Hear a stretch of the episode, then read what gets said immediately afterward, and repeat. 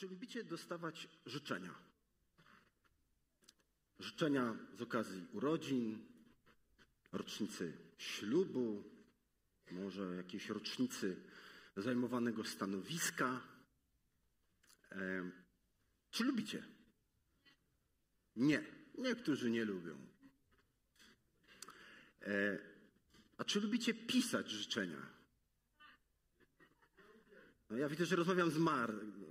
Martunia, to sobie potem pogadamy.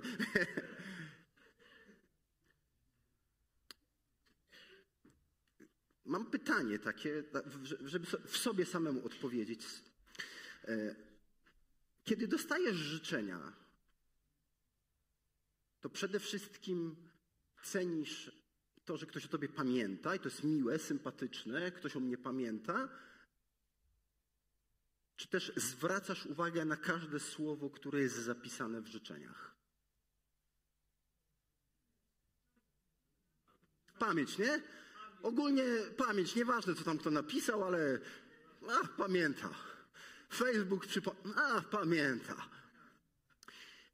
Myślę, że żyjemy w kulturze, w której słowo nie ma takiego znaczenia jak odbiór taki ogólny, że no to jest miłe. To miłe, że ktoś o mnie pamięta po prostu, bo to jest miłe, oczywiście. I to, to jest bardzo miłe i to, to jest pożądane. I nic w tym niewłaściwego nie ma co więcej. To jest bardzo dobre, że ktoś o mnie pamięta. Natomiast pytanie o słowo.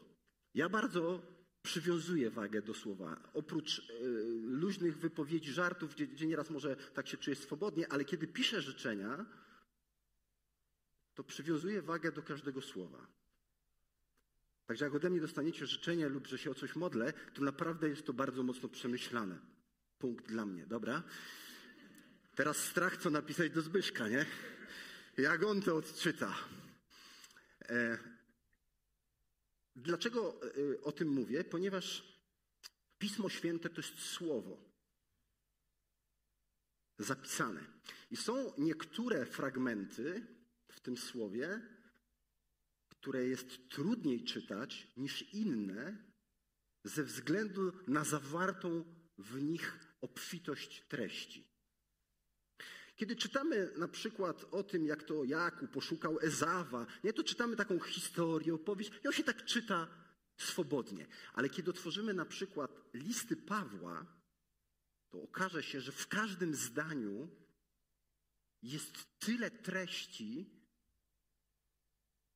że trudno to od tak sobie przeczytać. Po prostu przeczytasz i właściwie zastanawiasz się, o czym to jest. Czasami bardzo trudno nawet dojść, ale co tam Paweł tak naprawdę myśli? Jest to takie dla nas obce. Więc wiem, że kulturowo czytanie Pisma Świętego, a szczególnie listów, jest trudne, bo wymaga od nas bardzo dużego wysiłku, żeby włożyć, żeby zrozumieć.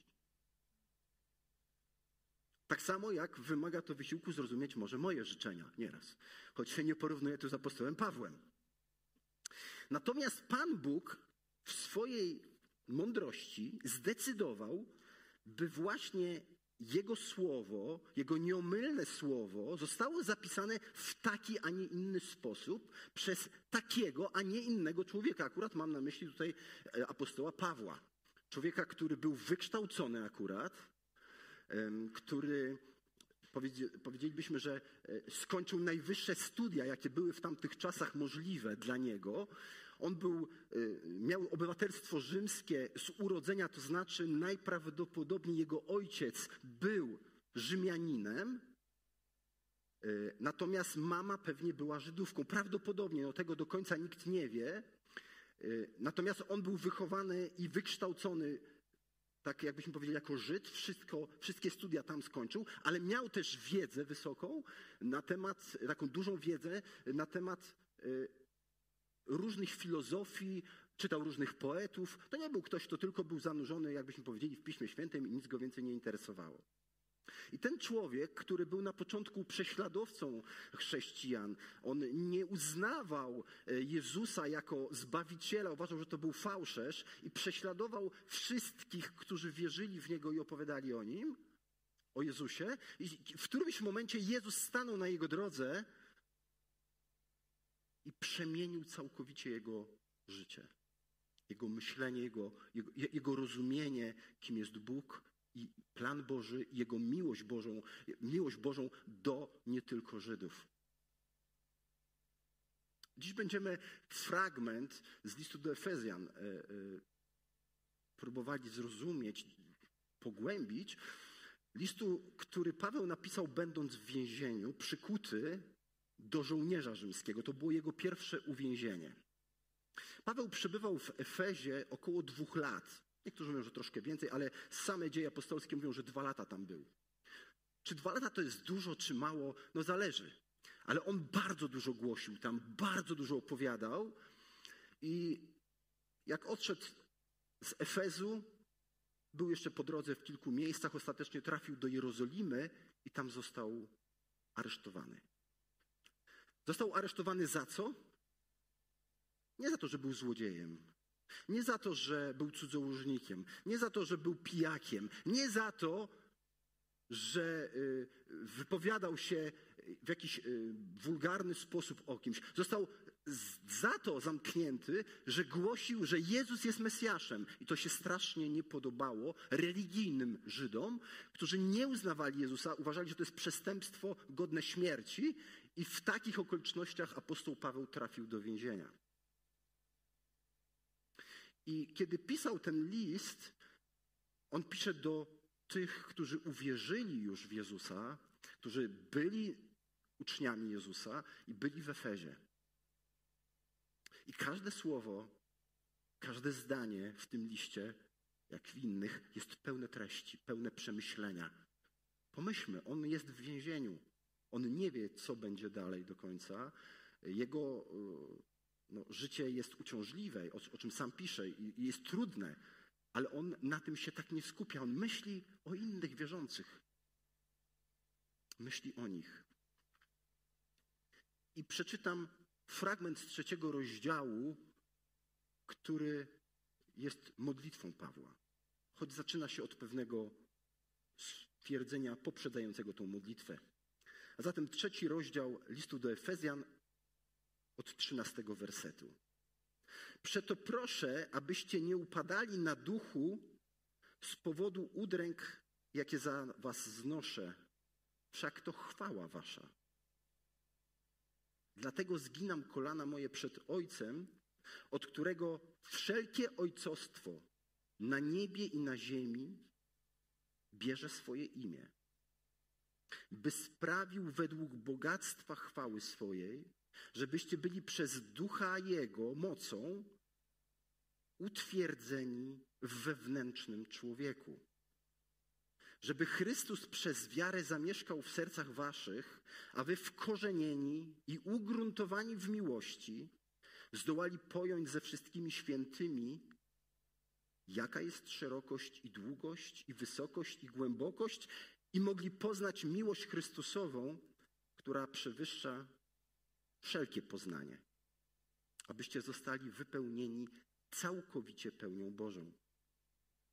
Temu zaś, który według mocy działającej w nas potrafi daleko więcej uczynić ponad to wszystko, o co prosimy albo o czym myślimy, temu niech będzie chwała w Kościele i w Chrystusie Jezusie po wszystkie pokolenia na wieki wieków. Amen.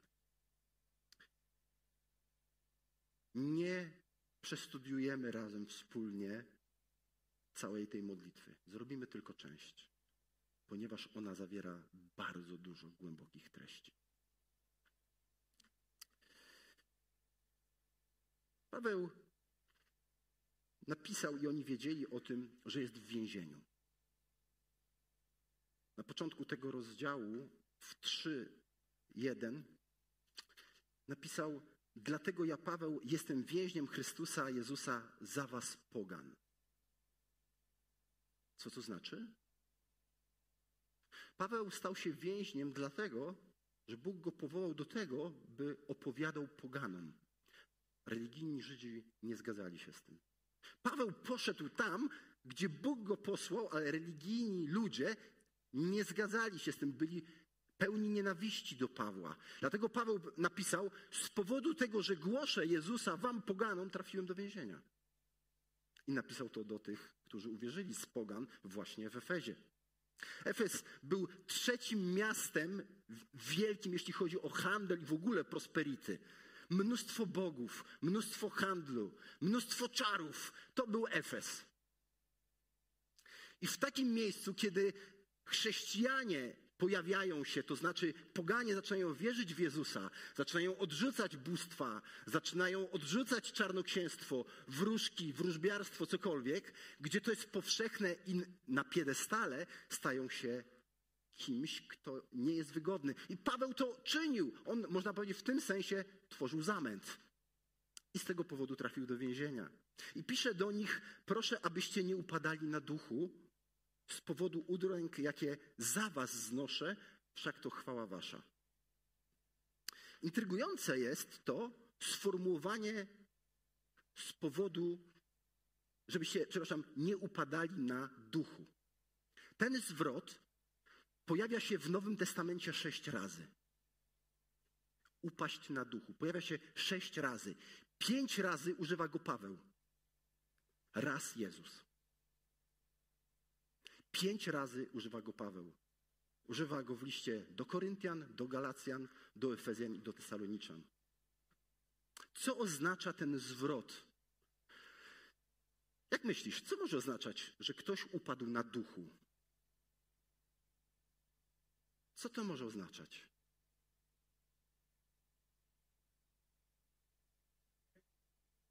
Nie, letni, nie. Upadł na duchu. Stracił nadzieję. Stracił nadzieję. Jest zniechęcony. Przygnębiony, zniechęcony. Nie ma sił, nie ma sił, by iść dalej. Tak te, to słowo jest tłumaczone. Zniechęceni, właśnie utrapieni, tak, tacy, że nie ma sił, nie ma, nie ma sił, by się podnieść, upadli na duchu.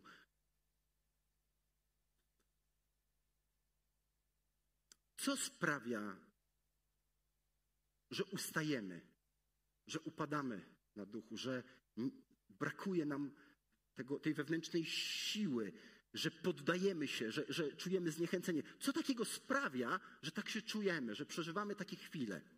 Z jednej strony moglibyśmy powiedzieć okoliczności, coś nawet niezależnego od nas. Na przykład wybucha wojna, ludzie giną. No to jest straszne, to jest przygnębiające, to jest naprawdę, y, można doświadczyć tego y, ducha złamanego, takiego upadek na duchu, takich brak sił, takie zniechęcenie, brak nadziei. Oczywiście, kiedy komuś może dom spłonął lub zniszczyła wichura, no różne okoliczności, może jakiś wypadek samochodowy, niezależnie od nas coś się dzieje i czujemy właśnie to zniechęcenie. Doświadczamy takiej niemocy. Oczywiście mogą też inni ludzie oddziaływać tak na nas. Psalm, który czytaliśmy na początku nabożeństwa, właśnie o tym mówi, że byli ludzie, którzy kłamliwie mówili coś na temat tego człowieka, zniechęcali, znaczy znienawidzili go, chcieli go zniszczyć słowami, czynami i to sprawiało, że on czuł się jak w bagnie, czuł się bez sił, czuł się zniechęcony. Możemy sami siebie zniechęcić. Kiedy czasami spojrzymy w lustro, tak zwane lustro, tak szczerze, głęboko do środka i powiemy: Znowu nie dotrzymałem słowa danego sobie nawet. Znów może uległem jakiemuś grzechowi, może zaniedbuję modlitwę, jestem skupiony ciągle na sobie, Podjąłem kolejne wyzwanie, żeby dobrze się odżywiać i nic z tego nie wynika dalej, bo znów wróciłem do nawyków. Myślę, że mamy mnóstwo takich historii, w których możemy poczuć zniechęcenie sobą. Że to jest takie przykre, słaby obraz nas. Efezjanie, wierzący, widać byli gdzieś na skraju podłamania, może już podłamani tym, że Paweł ich taki ojciec duchowy, ktoś bliski im, trafił do więzienia. Dlatego Paweł pisze do nich: Nie upadajcie na duchu. Nie upadajcie na duchu.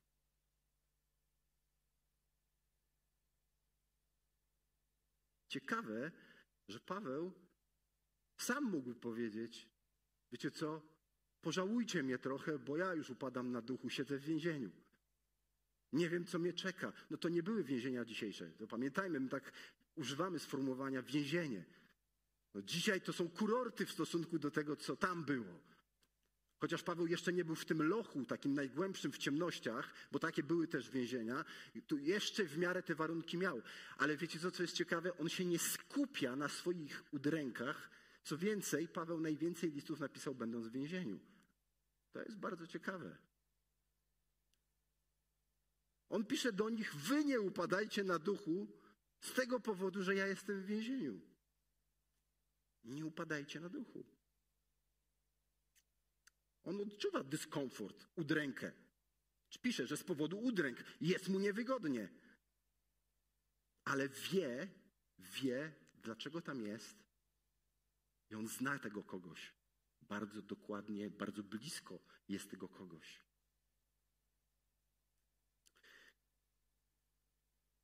Jeden z tych fragmentów, kiedy Jezus wypowiada kwestię upadania na duchu, to jest bardzo ciekawe. Nie wiedziałem, że to jest w tym miejscu. W takiej przypowieści, tak ją rozpoczyna Jezus, i że tam jest to użyte słowo nie upadajcie na duchu, nie zniechęcajcie się. A natomiast y, jest to w Ewangelii Łukasza w 18 rozdziale, w pierwszym wersecie, kiedy Jezus mówi do uczniów, i narrator mówi tak, i powiedział im takie podobieństwo, żeby zawsze się modlili i My mamy w swoich Bibliach najczęściej i co? I nie ustawali, nie? Tak. I to nie ustawali, to dokładnie jest nie upadali na duchu. Nie zniechęcali się. Nie przestawali się modlić. Dokładnie to jest ten zwrot. I ciekawe, że Paweł właśnie używa tego zwrotu. Tu jest pewien wstęp i zaczyna modlitwę. I mówi: Przeto proszę, abyście nie upadali na duchu, przepraszam, jeszcze zanim przejdziemy do tej modlitwy, z powodu udręk, jakie za was znoszę, wszak to chwała wasza. Jaka to chwała ich i zaszczyt, że Paweł siedzi w więzieniu? Jakie to w ogóle zaszczyt być w więzieniu? Nie wiem, czy ktoś Was był kiedyś skazany, ale zwykle skazanie nie wiąże się z zaszczytem, chwałą, docenieniem, chyba że to z powodu prześladowań, dokładnie, różnorakich, że chyba że ktoś naprawdę e, sobą prezentuje bardzo wysokie e, standardy i dlatego jest, e, bo przeciwstawia się w tym sensie władzy i trafia do więzienia. To jeszcze dla niektórych z ludzi jest bohaterem. Tak jak Paweł właśnie, on nie poszedł z powodu tego, że był przestępcą, tylko dlatego, że robił coś właściwego, dobrego. I Paweł mówi: Słuchajcie, ten świat wokół nas rzeczywiście jest powykręcany do góry nogami. Grzech go wykręcił. Ten, kto służy, to jest uznawany za jakiegoś słabeusza. Ten, kto ma kasę, władzę i rządzi, o, to jest mocarz, to jest ktoś ważny. Ale Jezus mówi, nie, nie, ja jestem kimś, kto, jestem Bogiem, Synem Bożym, zszedłem na ten świat, by służyć. To jest moja perspektywa, by służyć. Co więcej, Jezusa uwięziono, Jezusa skazano na śmierć i On oddał życie za nas. Czy to jest powód do chluby? W tym świecie nie. Dla ludzi, którzy nie znają Boga, to jest żaden powód do chluby, wręcz odwrotnie. Ale dla Boga, który pokazał swoją miłość w Jezusie i dla Jego dzieci, dla Jego uczniów widzimy, że to jest chluba. Być prześladowanym, krytykowanym, wyśmianym z powodu tego, kim jest Jezus i że w Niego wierzę, to naprawdę jest chluba. Rozmawiałem z kimś, kto opowiadał historię o swoim na e, takim jednym z bardzo dawno temu takich spotkań, e, spotkań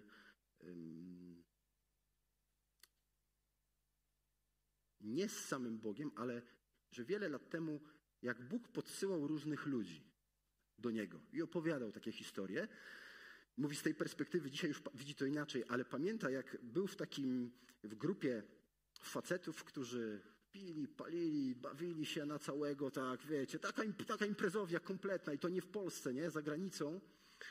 I mówi, że w pewnym momencie jeden z facetów, ewidentnie, on dziś wie, że się nawrócił, nie?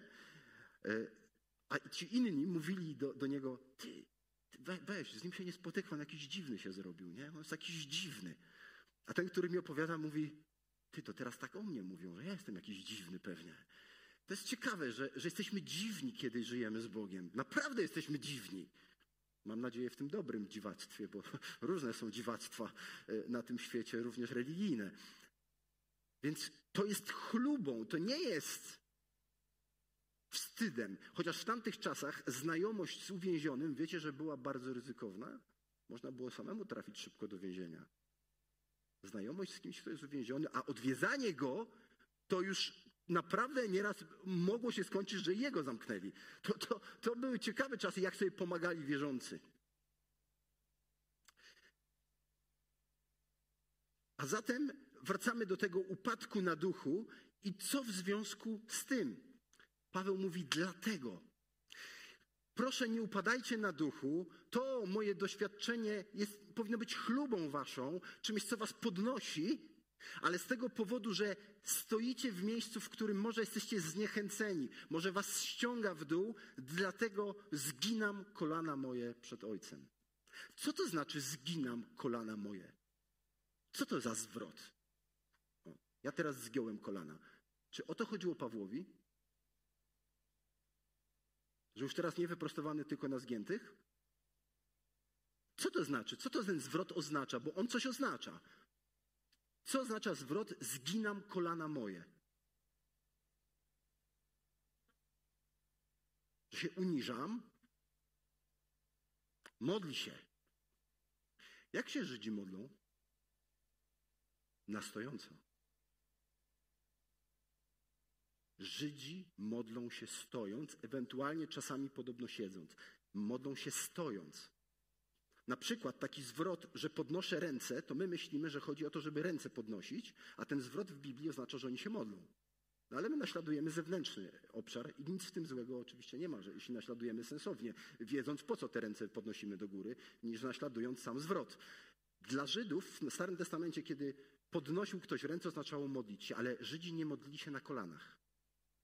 A jeśli Paweł mówi, że klęka, czy jeszcze ktoś klęczał w Biblii i w jakich okolicznościach, modląc się? Jezus w ogrodzie, Łukasz opisuje to dokładnie, że padł na kolana w doświadczeniu bardzo trudnym.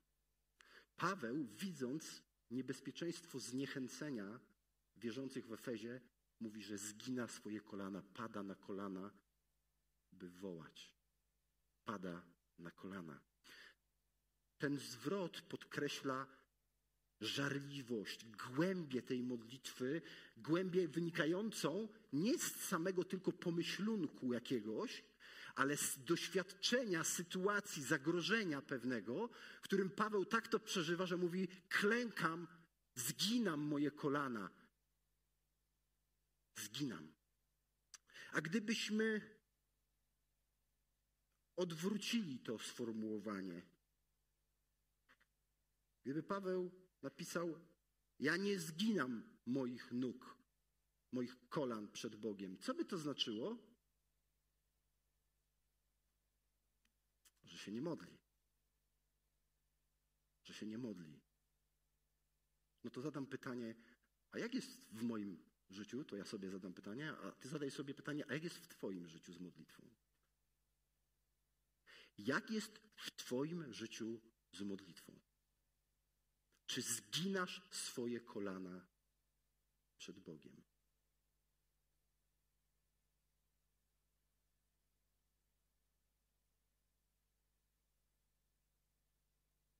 Czasami wydaje nam się, bo takie są hasła, że praca jest modlitwą, że pomaganie jest modlitwą. To nieprawda. Modlitwa to modlitwa. Praca może uwielbić Boga i powinna, pomaganie sprzątanie, sen, odpoczynek, to wszystko powinno uwielbiać Boga, ale to nie jest modlitwa. Modlitwą też nie jest stan braku słów w umyśle i braku zwracania się do Boga, tylko takie czasami poszukiwanie takiego stanu bez myślenia, troszeczkę z takiej medytacji, w której osiągamy stan niemyślenia. To nie jest modlitwa w Biblii. To nie jest to, co Bóg mówi, kiedy się modlisz, tak jak Jezus powiedział, to co? To zawieść swój umysł? Albo kiedy się modlisz, iść pracować? Nie. On powiedział, to mówcie. I Paweł, kiedy mówi, kiedy, że zginam swoje kolana, to znaczy mówi, wołam do Boga, to znaczy mówię, sensowne rzeczy mówię. To ma znaczenie. A jeśli nie modlę się, bo może myślę, że zawracam Bogu głowę drobnostkami mojego życia, a może liczę na siebie, że sobie poradzę, no bo właściwie można by powiedzieć, jeśli się nie modlę, to znaczy wyraźnie mówię sobie, że ja sobie sam poradzę.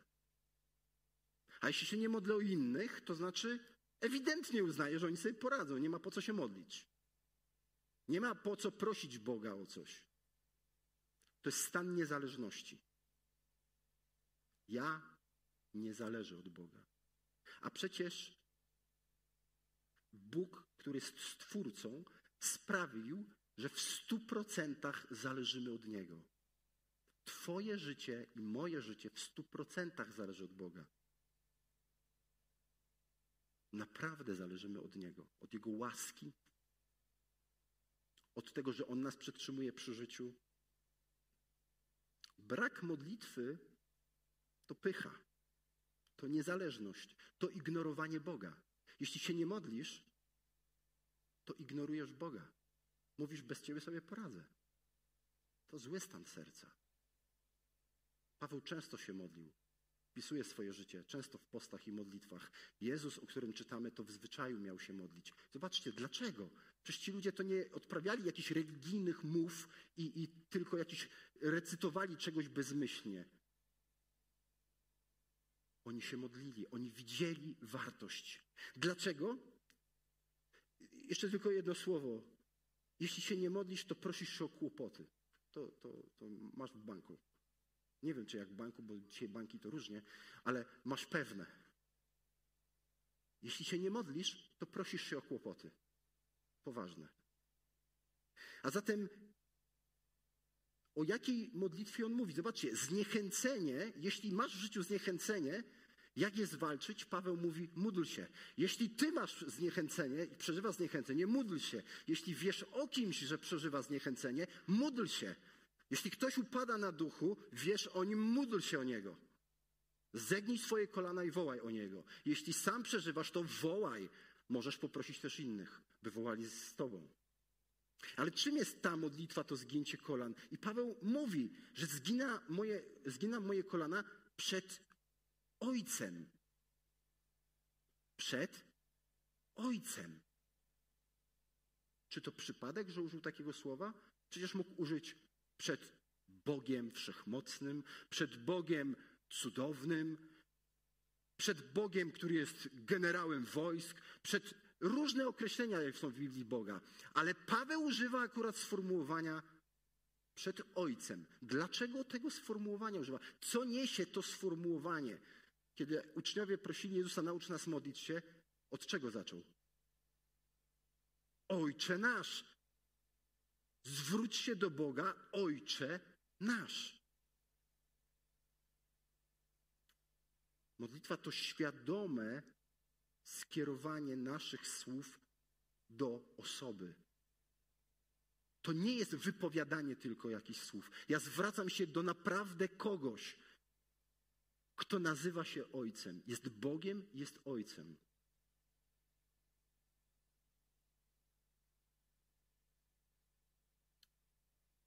Jest Ojcem, bo jest też Twórcą i w tym sensie każdy od Niego pochodzi, ale wyjątkowo Nowy Testament, czasami naprawdę słyszę to, może też słyszycie, że Bóg jest Ojcem wszystkich. Jeżeli chodzi, czy jest Stwórcą wszystkich, powiedzielibyśmy na pewno. Ale jeżeli chodzi o sformułowanie nowotestamentowe, ojciec to jest tylko ojcem tych, którzy mają Jego Ducha Świętego, którzy zostali narodzeni na nowo, którzy uwierzyli w Jego Syna, który przyszedł i oddał życie, którzy poprosili, wkrocz w moje życie i zmień mnie, napełnij mnie Twoim Duchem, bo chcę być Twoim dzieckiem. To ci mogą nazywać Boga Ojcem. Nie każdy. Nie każdy. I Paweł, pisząc to, jest świadomy, kim jest jego Bóg, że jest Ojcem, i jest świadomy, że dla tych wierzących Bóg jest Ojcem. I mówi tak, rzeczywiście. Zginam moje kolana przed Ojcem. Przed Ojcem, jak ważne jest wiedzieć coś o tym Ojcu. Co niesie za sobą sformułowanie Ojciec? Każdy z nas miał różnych ojców lub ma. I mamy te obrazy powykrzywiane, czasami miłe, dobre wspomnienia, a czasami bardzo złe. Czasami wypieramy. Ja mojego tatę to gdzieś tam bardzo mocno wyparłem z powodu jego stylu życia i, i tego, jak mnie wychowywał lub nie wychowywał. Więc ten obraz ojca oczywiście, że u mnie jest pozniekształcany i Boże Słowo, Bóg przez swoje Słowo pokazuje mi, kim jest ojciec. Ale zobaczcie, co niesie tak naprawdę biblijny, ten zdrowy obraz ojca. Co niesie? To nie jest dowódca. To nie jest sformułowanie, że zwracam się do dowódcy, zginam swoje kolana przed tym, który jest dowódcą, tylko przed ojcem. Przed tym, który się troszczy, który mnie zrodził, bo zechciał, bo mnie kocha, z miłości mnie począł. Ten, który się troszczy o mnie, który mnie nigdy nie zostawi. Ten, który wie, co jest dla mnie dobre. Ten, który chce dla mnie najlepszych rzeczy. To jest ojciec, przy którym czuję się bezpieczny, bo on naprawdę wychodzi ku mnie. On to zrobił pierwszy, kiedy myśmy go nie znali i byliśmy wrodzy ku niemu. On posłał swojego syna, żeby nas uratować, żeby nas odnalazł. On to zrobił, bo kocha nas, bo stworzył człowieka po to, by był z nim w relacji. I Paweł mówi: Wiem, że jesteście zniechęceni, że grozi wam zniechęcenie. Dlatego wołam do Ojca, do tego, który kocha swoje dzieci, który troszczy się, który rozumie, który prowadzi, nigdy nie zostawi, choćby matka i ojciec zostawili. Nigdy nie opuści. To jest ten ojciec. Ojcostwo niesie bliskość, więź, ciepło. Kiedy widzimy małe nieraz dzieci, jak siadają rodzicom na kolana i przytulają się. Wiecie, ja akurat jestem, e, tak mnie Pan Bóg ulepił z takiej gliny, że ja to jestem taki, e, lubię się przytulać e, w sensie takim na misia. Ja nieraz kogoś zobaczę, chodź tu ciach, nie, nie każdy to lubi, ach, niektórzy drętwieją, nie, ale u mnie to jest takie bardzo naprawdę naturalne, takie, że ja to tak lubię i wiem, że z moimi dziećmi y, y, naprawdę tak, taki byłem, że lubiłem się przytulać. Jak potem jako nastolatki, wiecie, ja pamiętam siebie jako nastolatek, szedłem ulicą, mama mnie za rękę łapie, a ja sztywniałem. Gdzie? Gdzie? Koledzy zobaczą, jak? A pamiętam moje dzieci, że nie wstydziły się. Wiecie, naprawdę mi ktoś na to zwrócił uwagę. Myślę, one czują się dobrze. Dobrze przy mnie się czują. Bo dobry ojciec, o, tak, dobry ojciec, o, wiecie, następny bonus sobie postawiłem. Panie, trzymaj mnie w pokorze, bo mi jeszcze odbije po tym kazaniu i trzeba mnie będzie zbierać porządnie. Że ten obraz dobrego ojca to jest ktoś, z kim chce się być ten, ten element, to jest bo to jest obraz pewien tego właśnie złapania za rękę, wzięcia na kolana, takiego przytulenia, przeniesienia przez trudne momenty, towarzyszenia non-stop. To jest ten obraz Boga Ojca, do którego Paweł się zwraca. Ten ojciec ma dobre intencje. On ma same dobre intencje, to jest niewiarygodne. No bo jak popatrzę na siebie jako ojca, pomyślę sobie, jejku, o, żebym ja miał same dobre intencje. Panie Jezu, chciałbym, ale nie miałem. I pewnie nie zawsze będę miał. A Bóg jest ojcem, który ma dobre intencje. Dobre intencje. Wie, czego potrzebujemy, wie, dlaczego coś nas spotyka. On nas kocha i wychowuje. Zniechęcenie jest zwalczane w modlitwie skierowanej do Ojca. Paweł po co pisze o tej modlitwie? Przecież mógł napisać tylko, że się modli. Zobaczcie, on pisze, bo okazuje troskę, tak jak ojciec okazuje troskę. Tak, pamiętam o was, naprawdę troszczę się i nie pisze o jakiejś modlitwie, tylko naprawdę o co się modli i do kogo się zwraca. I uczy w ten sposób ich i nas. Przychodź do Ojca. Nie, niech nie będzie dnia, w którym nie przyjdziesz i nie spędzisz z Ojcem czasu. Idź na spacer i bądź z Nim. Jeśli jesteś zniechęcony, to wołaj. A może nie jesteś, ale są ludzie zniechęceni. Pamiętajmy o nich, by przynosić ich Ojcu. By sprawił ten Ojciec według bogactwa chwały swojej. Tak króciutko tylko o tym. Bogactwo chwały swojej. Trudno nam uwierzyć, że istnieje osoba, która ma, nieskończony za, ma nieskończone zasoby. My mamy skończone. Mamy skończoną ilość pieniędzy, czasu, mamy ograniczony czas, mamy ograniczoną pojemność słuchania, angażowania się. My to wszystko mamy ograniczone, ale ten ojciec nie ma ograniczeń. Ani w sensie zasięgu, ani w sensie czasu. To jest taki ojciec. I on jest pełen chwały, on jest pełen i chętnie dzieli się tym, co posiada ze swoimi dziećmi. On nie jest chytry, skąpy. On się nie boi, że mu braknie, że on straci, jak nam da. Tak my funkcjonujemy. Ale to jest ojciec, który jest bezwzględnie hojny. Do takiego ojca się zwraca Paweł. On wie, że ten ojciec jest pełen, pełen chęci, pełen łaski, pełen chwały, mocy, by ci to dać. I on tego chce. I on tego chce. Kiedy jesteś zniechęcony, kiedy upadasz i myślisz o sobie do kitu, nie mam sił powstać, to właśnie zwróć się do takiego ojca. Zniechęcenie jest zwalczane w modlitwie skierowanej do bogatego i hojnego Ojca. Nie modlisz się do kogoś, nie zwracasz się do filozofii, teorii, ale do konkretnej osoby. Po co? Co mówi Paweł? Abyśmy byli utwierdzeni w wewnętrznym człowieku. Bo człowiek to nie tylko ciało, ani nie tylko duch. Człowiek jest całością. I Paweł używa takiego zwrotu wewnętrzny człowiek utwierdzeni w wewnętrznym człowieku. W drugim liście do Koryntian, w czwartym rozdziale, szesnastym wersecie napisał: Dlatego nie upadamy na duchu. To sformułowanie. Nie, nie zniechęcamy się. 4,16. Drugi Koryntian. Nie upadamy, nie zniechęcamy się, bo choć zewnętrzny nasz człowiek rzeczywiście niszczeje, to jednak ten wewnętrzny odnawia się z każdym dniem.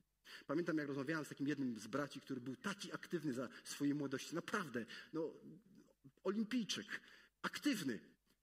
Z czasem zaczął chorować, różnie tam życie mu się potoczyło, ale kiedyś, on jest starszy ode mnie, chyba z 15 lat, tak mi się wydaje.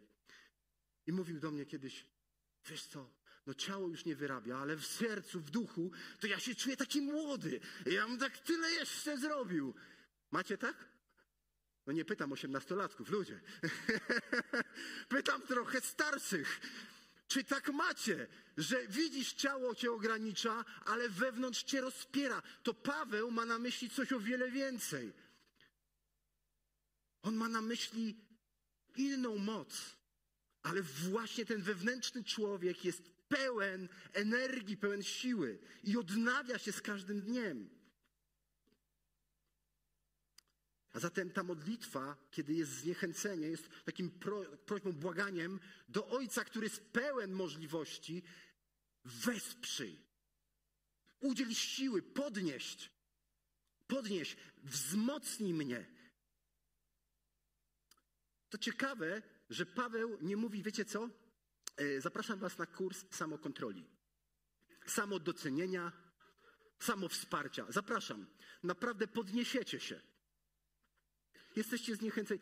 Przepraszam, ja teraz rzeczywiście żartuję. Nie znaczy to, że nie uważam, że pewne takie kursy i rzeczy są potrzebne nam. Nie, nie chcę krytykować, w żadnym wypadku nie to wyśmiewam, ale czasami i Paweł nie mówi sam się doceń, o to mi chodzi, sam się napraw, tylko on mówi ja zginam kolana przed kim? Przed Ojcem, żeby On mnie wzmocnił. To jest z zewnątrz, to nie jest technika wypracowana przeze mnie, to On wkracza w moje życie i mogę wam zaświadczyć, że w szczególne sposoby kilka razy doświadczyłem tego w życiu. W szczególny sposób to przeżyłem, ale to nie znaczy, że jak nie przeżywam tego w bardzo szczególny sposób, odczuwając to mocno, to nie znaczy, że dalej tego nie doświadczam z łaski Bożej. Bo ciągle Bóg mnie wspiera, choć tego może właśnie nie widzę, aż tak i nie odczuwam, ale jednak On to robi. I to jest z zewnątrz. To jest ktoś, kto jest z zewnątrz, ingeruje w moje i Twoje wnętrze. I Paweł o to prosi. Na kolanach błaga, aby zniechęconych ojciec podstawił na nogi. I przeczytam teraz zdanie, które wyczytałem u Kellera o chrześcijanach, a on odnosi się do różnych innych autorów. I to jest jego wniosek. Chrześcijanie mogą w swoim życiu reprezentować wysoki poziom fałszywości, pustki i nieautentyczności. Powodem jest to, że rzeczy, które znają i w które wierzą, nie są przez nich doświadczane w głębi ich istoty. Nie udało im się przenieść tej prawdy do serca i dlatego tak naprawdę nie zmienia ona tego, kim są i jak żyją. Pomyśl o tym, ile rzeczy wiesz, ile jesteś prawd w stanie, ja tak samo, powiedzieć, tak, jestem o tym przekonany, mój rozum jest o tym przekonany, wierzę w to, tak, to tak jest. Ale to nie ma nic wspólnego nadal jeszcze z przemienionym sercem i doświadczeniem. Pozostaje sferą intelektu. Choćby sam fakt, że Bóg Cię kocha. Choćby fakt, że przebacza grzechy. Choćby fakt, że nigdy się od Ciebie nie odwróci. Kto z nas jest przekonany, intelektualnie, że powinien spędzać czas sam na sam z Bogiem na modlitwie. Nie podnoście rąk. Prawdopodobnie wszyscy. To dlaczego tak trudno nam spędzać ten czas i znaleźć go? To jest właśnie to. To jest rozum i serce. Rozum, dwie, zgodzi się, a serce. Paweł do, doświadczył przemiany i doświadczył wielokrotnie Boga, który go podnosił, kiedy był zniechęcony.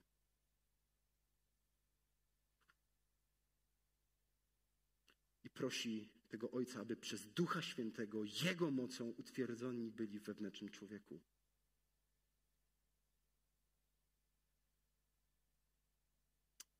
Prosi o to, aby Bóg wkroczył głęboko serce. Aby to nie było tylko tu. To jest nam potrzebne. Bóg nas obdarzył intelektem, potrzebujemy. Ale żeby to zeszło niżej. I żebyśmy doświadczyli tej przemiany. I doświadczali tej przemiany, nie doświadczyli raz. Tego, że prawda, którą Bóg opowiada, przemienia i daje wolność że Paweł, choć siedział w więzieniu, ewidentnie był błogosławiony. I zobaczcie, nie prosi w tej modlitwie, wołajcie, żebym był uwolniony, żeby mi zelżyli. Co nie znaczy, że takie modlitwy też nie mogą być. Ale on się skupił na Ojcu i na potrzebach swoich braci i sióstr. I mówi, oni są zniechęceni, oby nie byli. Wołam, by Bóg, dlatego mówiłem o ważność słów, by Bóg poprzez Ducha Świętego wzmocnił. Wzmocnił wewnętrznego człowieka, bo na zewnątrz nie szukajmy tego wzmocnienia. Nie przyjdzie, będzie chwilowe, krótkie, zachwycające i za chwilkę padnie. To Duch Święty jest tym, który nas wzmacnia. A zatem Zniechęcenie jest zwalczane w modlitwie, skierowanej świadomie do bogatego i hojnego Ojca, aby mocą ducha dodał nam sił. A zatem, kiedy upadasz na duchu i czujesz się zniechęcony, wołaj. Wołaj do Ojca. A jeśli wiesz o kimś, kto jest zniechęcony, wołajmy, wołajmy do Ojca, aby go wzmocnił. Paweł nas uczy, módlmy się z tym rozumieniem, że nasz Ojciec jest hojny. Że jest hojny. A jeśli nie jesteś jeszcze odrodzony duchowo, nie znasz tak Boga, wołaj, aby wkroczył w Twoje życie. Bo Kościół to nie jest religijna, jakaś tak rozumiana religijna, jakaś, jakiś zespół, grupa ludzi, którzy w coś sobie tam wierzą. Kościół to są Boże dzieci, które należą do Boga i które się spotykają razem. To jest Kościół lokalny lub ten na całym świecie. I kiedy modlisz się do tego hojnego Boga, to następna praktyczna jego rada, zapewne Pawła, oczekuj reakcji. Oczekuj wytrwale reakcji. Tak jak Pan Jezus powiedział w tej przypowieści, to jest o wdowie, która ciągle chodziła do sędziego i pyta, bo mówi, kto mnie weźmie w obronę. I Jezus podaje przykład kobiety, która ciągle chodziła. Dokładnie, tam mówi, abyście się modlili i nie upadali na duchu, abyście się nie zniechęcili, abyście nie przestali. Wołaj, wołaj, wołaj, oczekuj Bożej reakcji. Boga, który jest Ojcem. Wiedząc, że On wie, co robi. Wiedząc, że Cię kocha. Wie, że najlepsze rzeczy dla Ciebie chce. Wołaj, ale wiedz, że On wkroczy w Twoje życie i je zmieni. I niekoniecznie wszystko będzie nam się podobać w tych zmianach. I dobrze, bo On wie lepiej, bo kocha. Będziemy mieli teraz czas modlitwy. Może jesteś zniechęcony, zniechęcona. Chcielibyśmy zrobić taką przestrzeń tu teraz. Kilka osób poprosiłem, aby y, od nas wyszły, bo w tym kościele nie wiem, czy wiecie, bo może nie wiecie, że nie ma duchownych i świeckich. Nie ma. Pastor nie jest bardziej duchowy od którejkolwiek ze sióstr czy braci. Wszyscy jesteśmy dziećmi Bożymi, kapłanami Boga. Wszyscy. Dlatego poprosiłem kilka osób, żeby wyszło do przodu, do których możesz podejść. Jeśli jesteś zniechęcony, a może wiesz o kimś, kto jest zniechęcony i chciałbyś też się chciałabyś o, o tą osobę pomodlić, to teraz będzie taki czas. Zapraszam zespół, żeby nam tutaj troszeczkę muzycznie sam, bez śpiewu na razie y, y, przygrał. Kochani, będziemy mieli teraz taki czas. Ja pomodlę się teraz jeszcze tylko na chwilę, a ty pomyśl o tym. Wiem, że może to jest wstydliwe. Może. Takim być. Ale może, może Pan Bóg porusza cię, by wyjść by przestać myśleć o tym, co sobie ktoś pomyśli, a przyjść, żeby ktoś ze mną modlił się do Ojca. Drogi wspaniały nasz Ojcze, Ty wiesz, ile razy byliśmy zniechęceni. Wiesz, ile razy ja byłem zniechęcony sobą, okolicznościami, Panie, sytuacjami. Ty wiesz to wszystko. I nigdy nas nie zostawiłeś i nigdy nie zostawisz. I Ojcze, chcemy się uczyć kochać Ciebie i siebie nawzajem, służąc sobie. Nie chcemy teoretyzować, chcemy być praktycznymi ludźmi w życiu z Tobą, kochając i okazując sobie łaskę. Proszę Cię, Ojcze, by Twoje słowo, nie moje kazanie, ale Twoje słowo, bo ono jest tym, co zmienia. Proszę Cię, przemieniaj nas wszystkich. Zachęcaj, podnoś pobudzaj. Dziękujemy Ci, że nam je dałeś. Dziękujemy Ci za świadectwo apostoła Pawła i za wiele świadectw ludzi, którzy żyją dzisiaj, którzy doświadczyli realnie Twojej osoby, bo jesteś Bogiem żywym, nie fikcją.